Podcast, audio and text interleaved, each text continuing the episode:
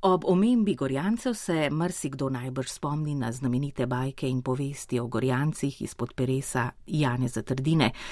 In prav te pomenijo pomemben del zgodbe z naslovom Gorjanci, med Rimom in Bizancem. Gre za pregledno arheološko razstavo v galeriji Dolenskega muzeja v Novem mestu, kjer je predstavljenih več kot 1400 arheoloških predmetov z petih gorjanskih utrjenih višinskih poznoantičnih in zgodnje srednjeveških naselij. To so bila zatočišča, ki so jih naseljevali prebivalci iz nižinskih predelov dolenske strani Gorjancev v nemirnem obdobju tako imenovanega preseljevanja ljudstev. Gre za čas med tretjim in šestim stoletjem našega štetja, med zatonom antike in prihodom slovanov, ter za pretežno naselbinske najdbe pozneje v zgodovini izginulih in drugih ljudstev, kot so bili romanizirani staroselci, goti, langobardi, gepiti, avari in druga ljudstva. Več o tem pa v oddaji nedeljska reportaža, njen avtor je Milan Trobič.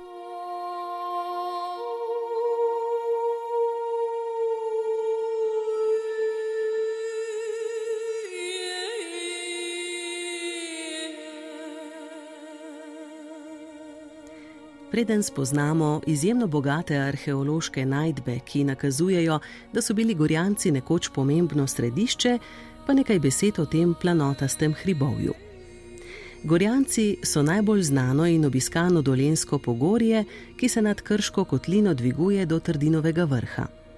Slovenski Gorjanci so le del celovitega prostora, ki se razteza še daleč na Hrvaško.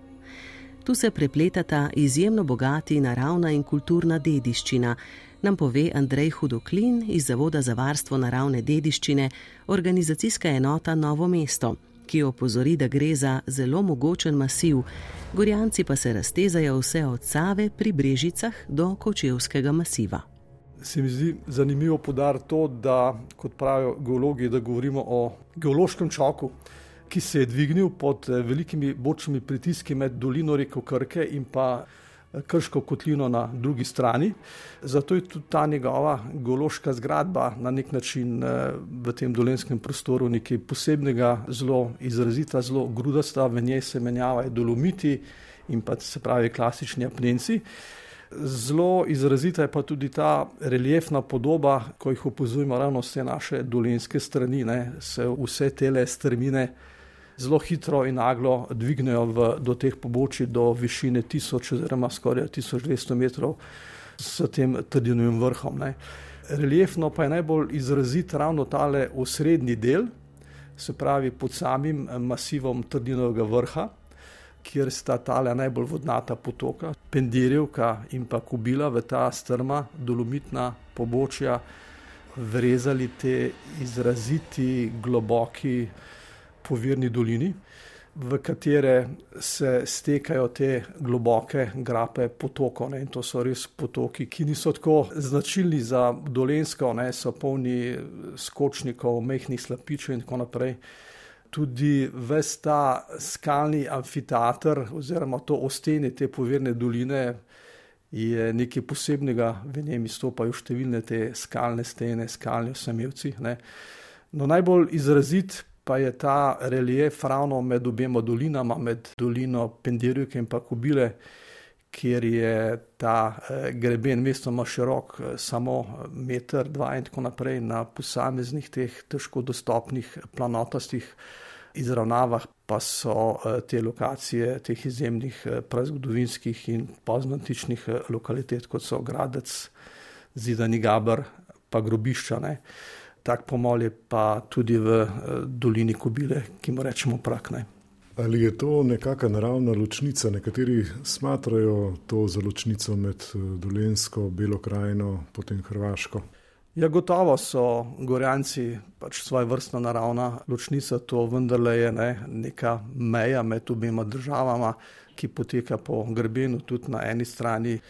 In dolenci rečemo Gorjanci, po Gorjancih, nekdanjih, oziroma po trdinovem pričevanju ljudeh, Gorjanci, ki so tukaj na Gorjancih živeli, in eh, druga stran, ne, Žumbračka gora, eh, ki je bila eh, tudi poseljena v času vojne krajine, ki ima pač tudi na nek način tudi druge reliefne značilnosti kot ta naš eh, slovenski del.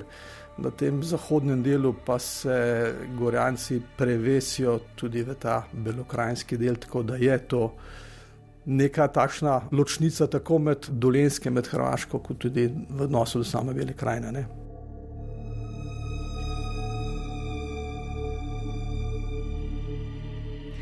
Kako ohranjena pa je naravna dediščina na tem zanimivem področju? Andrej Hudoklin. Celotno tole pogorje izstopa po naravni dediščini, že celoten prostor zaradi svoje omaknosti, težke dostopnosti je izjemno, da rečemo, naravno ohranjen. Po sami naravni ohranjenosti pa gotovo izstopajo te povirne doline. En takšen biser je gotovo prav dolina Kobile, eden najbolj naravno hranjenih predelov Dolenske. Zadnje čase rečemo tudi gluha loza, tudi po trdinovih bajkah. Gre za na nek način zaprto dolino, v katero ne seže zvonjenje, se pravi božja beseda, zato v takšnih dolinah vladajo ne, te nadnaravne temne sile. No, in za to dolino Kobile gotovo to zelo drži, ker imamo tukaj celo vrsto teh eh, ogroženih rastlinskih vrst in tudi nekatere ptice. Potem, kot eh, te mednaravne, te najbolj prepoznavne znamenitosti, ki so znane daleč naokrog, lahko štejemo tudi oba izvira, tako minutnik, ne, ta eh, en najbolj znanih dolinskih prenehavnikov, ki po ljudski govorici tako funkcionira, zato ker v tem podzemlju Gorjancev je neko veliko jezero, v katerem živi ne, ena ogromna riba, ki se občasno svojim tem gibanjem preprečuje iztok iz tega podzemskega jezera in potem se to tako manifestira na delovanju samega izvira. Drug najbolj znan izvir pa je nedvomno gospodična, ne, obaje Janez Trdina ponesel no, v svet v teh svojih bajkah. Tako da tudi ravno s tem eh, izvirom smo se z gospodične veliko ukvarjali, s temi obnovami teh nekdanjih prvotnih obzidav študenca. Pač to je tudi ena najbolj atraktivnih obiskanih točk na Gorancih. Tukaj imamo no, tudi enih par teh pragoznih ostankov, ne. gre resnično za en tak eh, izjemno pestro naravo, ki je pa tudi zelo izpostavljena obiskovanju, gre vendarle za eh, na nek način zelo izpostavljen konc Dolenska.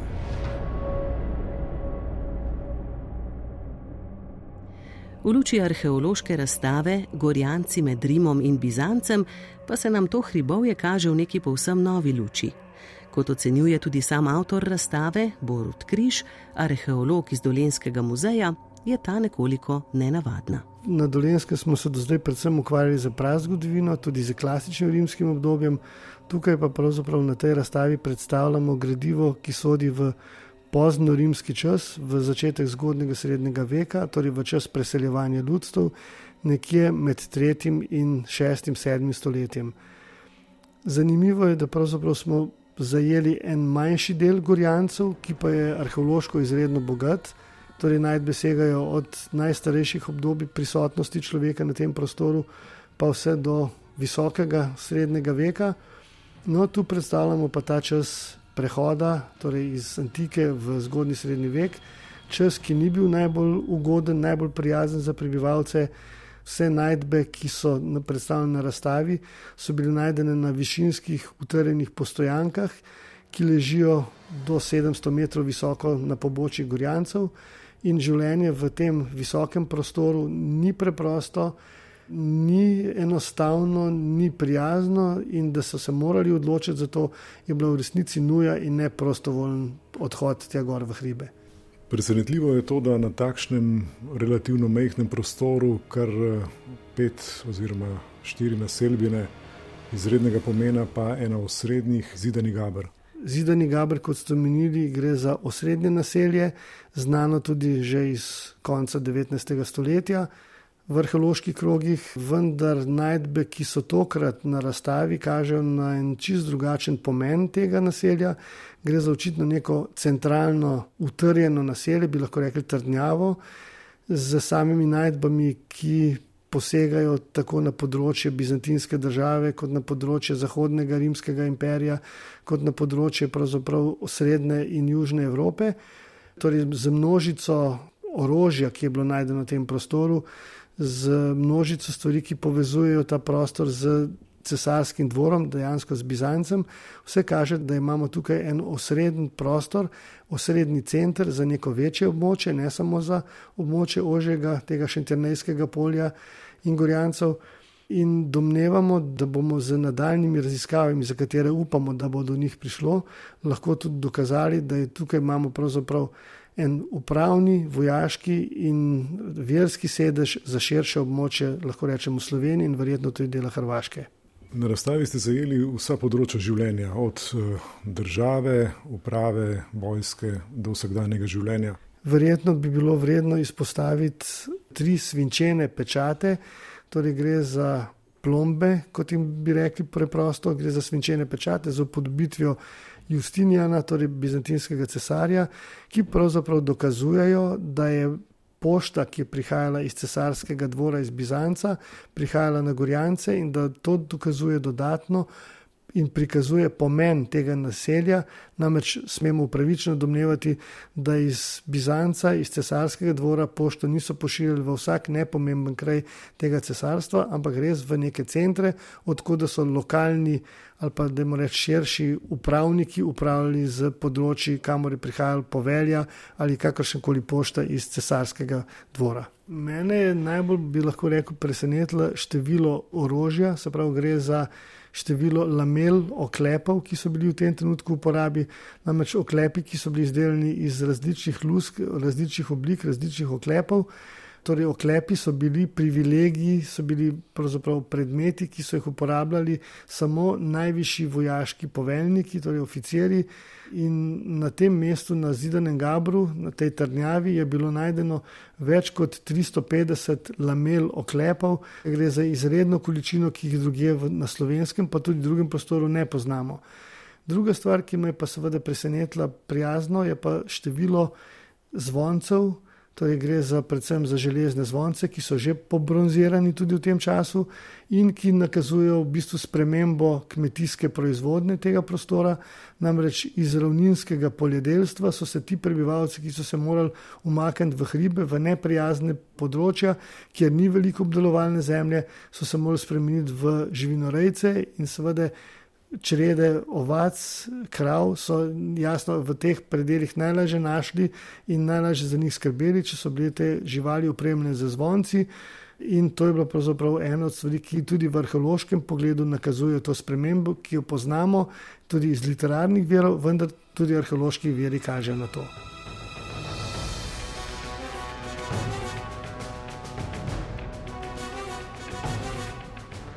Ob bogatih najdbah se postavi vprašanje, kdo so bili prebivalci teh petih višinskih naselij. Borut Križ.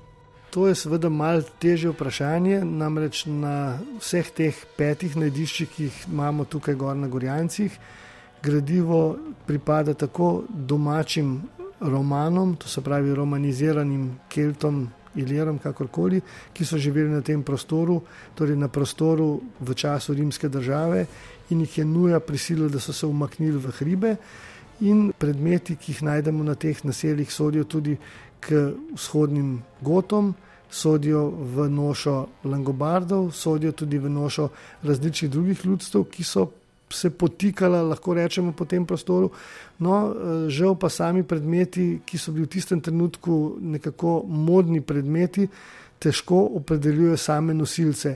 Tako da gotovo imamo prisotne germane, različna germanska plemena, kot so Longobardi, vzhodni goti. Ne vemo pa natančno, ali je vsak od teh predmetov pripadal tudi temu človeku, ki je torej etnično drugačen.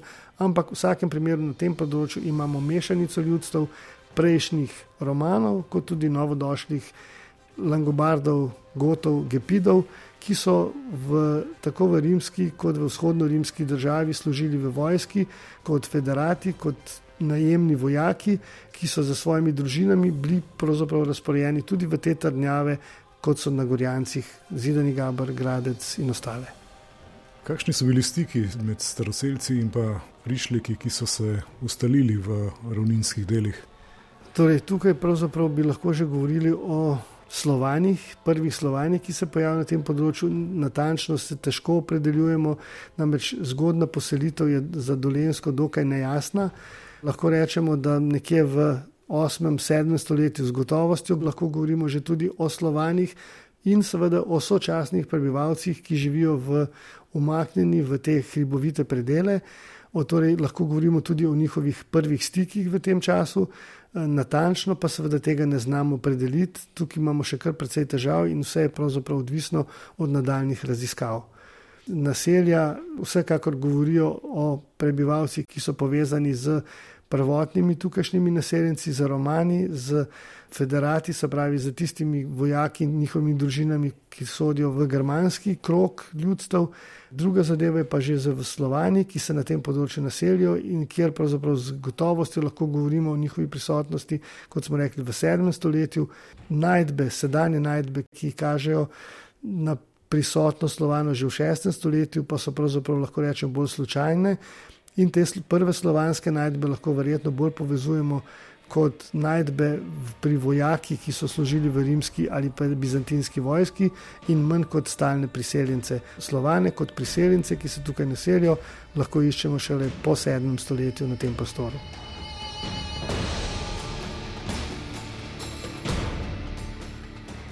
Naredimo lok in se vrnimo k omembi Jane Zatrdine in njegovih bajk in povesti o Gorjancih.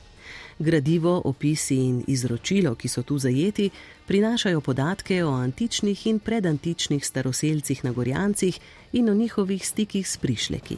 Borut Križ. Lahko rečemo, v zgodovinskem času, zgodovinskih virov za to območje tako rekoč nimamo. Nekoliko nam pa v tem trenutku pomagajo omenjene bajke in povesti o Gorjancih, kjer se pojavljajo različna bajeslovna bitja, kot so škrati, kot so velikani, kot so vilorojnice in z analizo vseh teh bajk, teh pravljic, kjer seveda moramo izločiti tisti pravlični del, pravzaprav nam pa ostane vendar nekaj substrata, nekaj tiste osnove, ki kažejo na prve stike slovanov tega področja, ko so se tukaj naselili z staroseljci, ki so živeli v tem trenutku nekje v visoko na pobočju Gorjancev. V vsakem primeru lahko rečemo, da kulturološki ali kulturni nivo novodošlih slovanov je bil bistveno na nižjem nivoju kot teh staroseljcev, ki so imeli tudi nekaj tradicije, nekaj znanja o medicini, o gospodarstvu, o življenju na tem prostoru, o kmetijstvu, o seveda poljedelstvu, živinoreji, ki so verjetno poskušali z svojo pomočjo zadarili tem novim prebivalcem, ki so prišli na to področje, pomagati in z njimi navezati stike bili so seveda ogroženi v prvi vrsti, lahko rečemo. In najlepši navezava stikov je z izvršitvami nekih dobrih del, z nekimi dobrimi darili, s tem seveda se najlažje naveže stik. In v teh bajkah se že pojavljajo vile rojenice, očitno neke žene, ki so prihajale iz hribov, povezovali so jih z vilami in ki so pomagale pri težkih porodih povezuje jih tudi z nekimi velikani, ki so živeli v teh ribih, v nekih mestih in ki so včasih bili tudi dobri in so pomagali pri nekih polskih upravilih, in seveda včasih povezuje to tudi z hudobnimi škrati. So, kjer so verjetno tudi morali biti tudi stiki, mal, včasih malo problematični. V vsakem primeru pa iz teh bajk lahko vendar v osnovi izluščimo nekaj osnovnih, nekaj prvih stikov teh prišlekov z staroseljci na tem področju.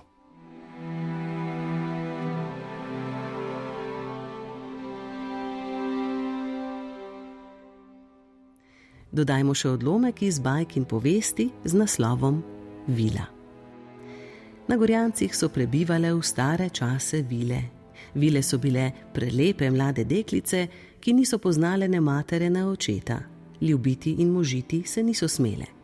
Oblačile so se v belo tančico, ki jim je pokrivala vse truplo do gležnjev. Las si niso spletale, padali so jim prosto do kolen z gostimi zlatorumenimi kodri vendar pa so se jako mrljivo česale in to vselej ozarji. Takrat jih je človek najlažje videl, ker so bile jako zamaknjene v to opravilo, da niso zapazile, ali se nahajajo same ali ne.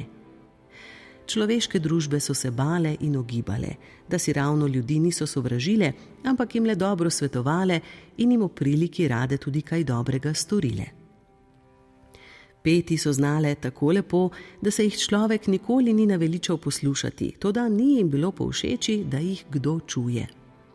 Tudi ples so ljubile, Ali gorje si ga tistemu, ki je prišel iz vedavosti gledati njihovo kolo? Živele so ob sadju, grozdju in gorskih zelih. Ponavadi so samo večerjale, podnevi pa niso drugače nič uživale, razen če jih je povabil kak junak in poštenjak, ki ni vedel, kdo so.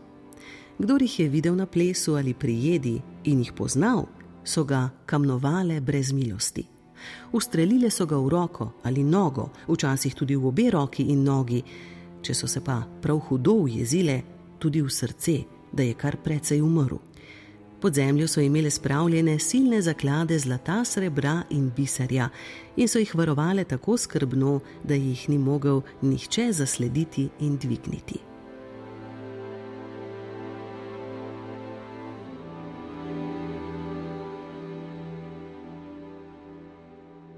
Doktorica Tina Milavec z oddelka za arheologijo na Filozofski fakulteti v Ljubljani. Vi ste si to razstavo ogledali. Kakšen je vaš prvi vtis oziroma vtis po tem, ko ste videli uh, to razstavo? Ja, razstavo smo si ogledali študenti. Na vsak način tisti prvi vtis zelo lepa je vizualno. To je nekaj, za česar bi jo gotovo absolutno priporočila. Všeč mi je bilo recimo to, kako lepo je predstavljen tudi prostor. Ne? En podarek so predmeti. Drugi poudarek je pa v tem primeru jasno tudi prostor, ki je lepo predstavljen tako z fotografijami, kot recimo z liderskimi posnetki. Ne? Tako da je oboje stranski užitek je zagotovljen. Gre za obdobje, ki na dolenskem ni toliko poznano, oziroma o tem obdobju ni toliko podatkov, oziroma tudi podobnih razstav ni bilo. Res je, res je. Dolenska je nekako veliko bolj znana po prazgodovinskih najdbah, ampak zdaj moramo reči, da smo vsi zelo veseli, da se je tukaj pokazalo eno tako blazno impozantno najdišče oziroma skupek najdišč, tako da je vsekakor postala, se, pomen postal veliko bolj opazen tudi v tem obdobju. Kako gledate na ta nabor predmetov, ki so predstavljeni? Nabor predmetov je nevreten. Tudi če upoštevamo, da je v bistvu predstavljen samo en del predmetov, ki so bili tukaj odkriti, je absolutno nevrjetno z kakšnih vseh daljnih prostorov, ne samo dolenske, ampak iz dela, recimo, cele temu, če morbi danes rekli Evrope ali pa tudi sredozemlja, predmeti so se znašli tukaj na tem prostoru. To je preprosto nevrjetno. Ne samo nabor uporabe, ampak tudi nabor izvora, odkud vse to prihaja. Kateri predmeti so vas recimo presenetili ali pa vam vzbudili zanimanje? No, na vsak način ne moremo mimo eh, pečatnikov, to, da je na ta prostor, eh, da so prihajale pošiljke, ki so bile zapečatene recimo direktno na Bizantinskem dvoru, to je nekaj ekstremno posebnega. Moram pa reči, da mene osebno so, je zaintrigiralo tudi nekaj kosov, recimo krasnih zaponk ali pa pasnih zapon, ki so očitno redke na tem našem prostoru, ne samo iz tega bizantinskega okolja, ampak tudi očitno iz nekih drugih prostorov, kar bo treba še raziskati, kar ni običajno recimo na prostoru današnje Slovenije. Pa moram reči, da mene vedno ganejo tudi te čist preprosti predmeti vsakdanjega življenja, katerih je tukaj tudi zelo veliko najdeno. In jaz mislim, da z strokovno objavo bomo uspeli zvede tudi kaj predvsej okrog tega, ne, kako so izgledale stavbe, kaj so v njih počeli, kako je bilo to malo domače gospodarstvo. Te stvari, ki so blizu tudi ljudem, recimo, ki bi prišli to razstavo pogledati, vsakodnevne stvari. Vi ste strokovnjakinja za antiko, za pozno antiko, pa tudi preseljevanja ljudstev. Kakšna podoba se sedaj po tej razstavi kaže na tem prostoru? Neke nove informacije so seveda prisotne. Ja, na vsak način. Gotovo se poudarja s to razstavo, da je ta sklop teh nadišč v Gorjancu z kraljem Zidan in Gabrom imel nek izjemno važen pomen. Ne.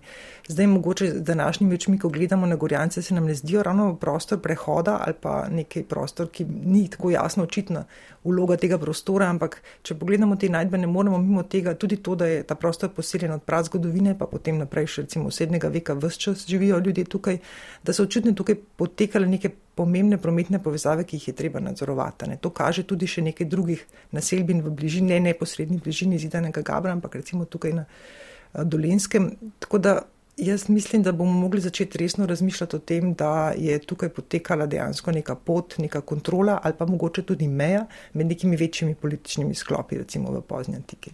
Posebno so vsekakor ta višinska naselja. Teh višinskih naselij v Sloveniji je kar nekaj. Je mogoče kakšna primerjava, kaj podobnega med Gorjanci in tudi drugimi področji?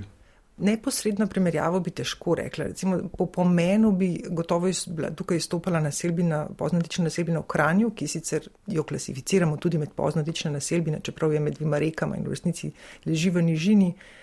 se pojavlja tudi druge po Sloveniji, počasi odkrivamo neke takšne, recimo bolj eh, regionalne centre, ki imajo z eno večjo naselbino, pa recimo potem nekaj manjših okrog, ampak po tem, kar lahko vidimo tukaj na razstavi, po tej izrazitosti predmetov, temu pa ta trenutek nobena, mislim, da ne bi mogla biti ravno kosno. Ta razstava tako z lajčnimi očmi kaže zelo veliko dinamiko ljudstev, različnih predmetov, ki so jih uporabljale različne ljudstva. Kako vi gledate na ta čas, kot recimo čas preseljevanja? Ta čas je mogel biti ekstremno pester. Ne. Če drugega ne, se arheologi se še vedno sprašujemo, zakaj pravzaprav je bilo resnično treba bivati uh, na višinskih naselbinah kako je to v resnici izgledalo, kako je vsakodnevno življenje tukaj izgledalo. Očitno, drugače si ta trenutek tega ne znamo razložiti, je bila nevarnost prehodov v dolinah tako velika, da so se ljudje dejansko preselili za recimo celo leto za stalno na višinske naselbine, verjetno sicer obdelovali polje v nižini, ampak ne glede na to, zgleda, da je ta prostor današnje Slovenije bil v nekem pomenu takrat izjemen, mogoče nesrečno izjemen po ogroženosti, da so ljudje mogli poiskati res eno tako alternativo bivanju. Tako da verjetno se je takrat tudi v življenju enega samega posameznika dogajalo kar precej takih politično in pa življenjsko zelo stresnih stvari. Po drugi strani pa tudi za nas, ne arheologe, ki nam ni treba takrat živeti, je pa to en čas ekstremne pestrosti, pisanosti in tudi zelo, zelo veliko um, neodgovorjenih vprašanj. Razstava Gorjanci med Rimom in Bizancem je nekaj posebnega, saj gre za veliko število najdb. Kaj pa bo sledilo? Borod Križ. Tukaj pravzaprav se sprašujemo tudi sami, kako naprej. Izredno veliko število najdb kaže na potrebo, da bi se ta zadeva začela tudi strokovno, arheološko raziskovati. V tem trenutku je lokalna skupnost izredno naklonjena tem posegom in spoznavanju preteklosti. V vsakem primeru gre pa seveda za dogovor med strokovnjaki, ki se ukvarjajo s tem področjem, predvsem na fakulteti za arheologijo in na arheološkem inštitutu, da skupnimi močmi poskušamo ugotoviti nekaj več in z nekimi resnimi načrtnimi raziskavami v prihodnih letih pridemo do novih pomembnih podatkov.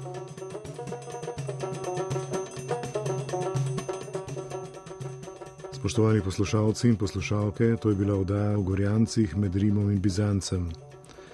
Glasbo je izbral Rudi Pančur, tehnično je oblikoval Vladimir Jovanovič, brala Mateja Perpar, avtor oddaje Milan Trobič. Oddaja lahko spet slišite v arhivu na spletni strani prvi.rtv.slo.si, kjer najdete tudi zapis in fotografije. Na voljo pa bo tudi v podkastu.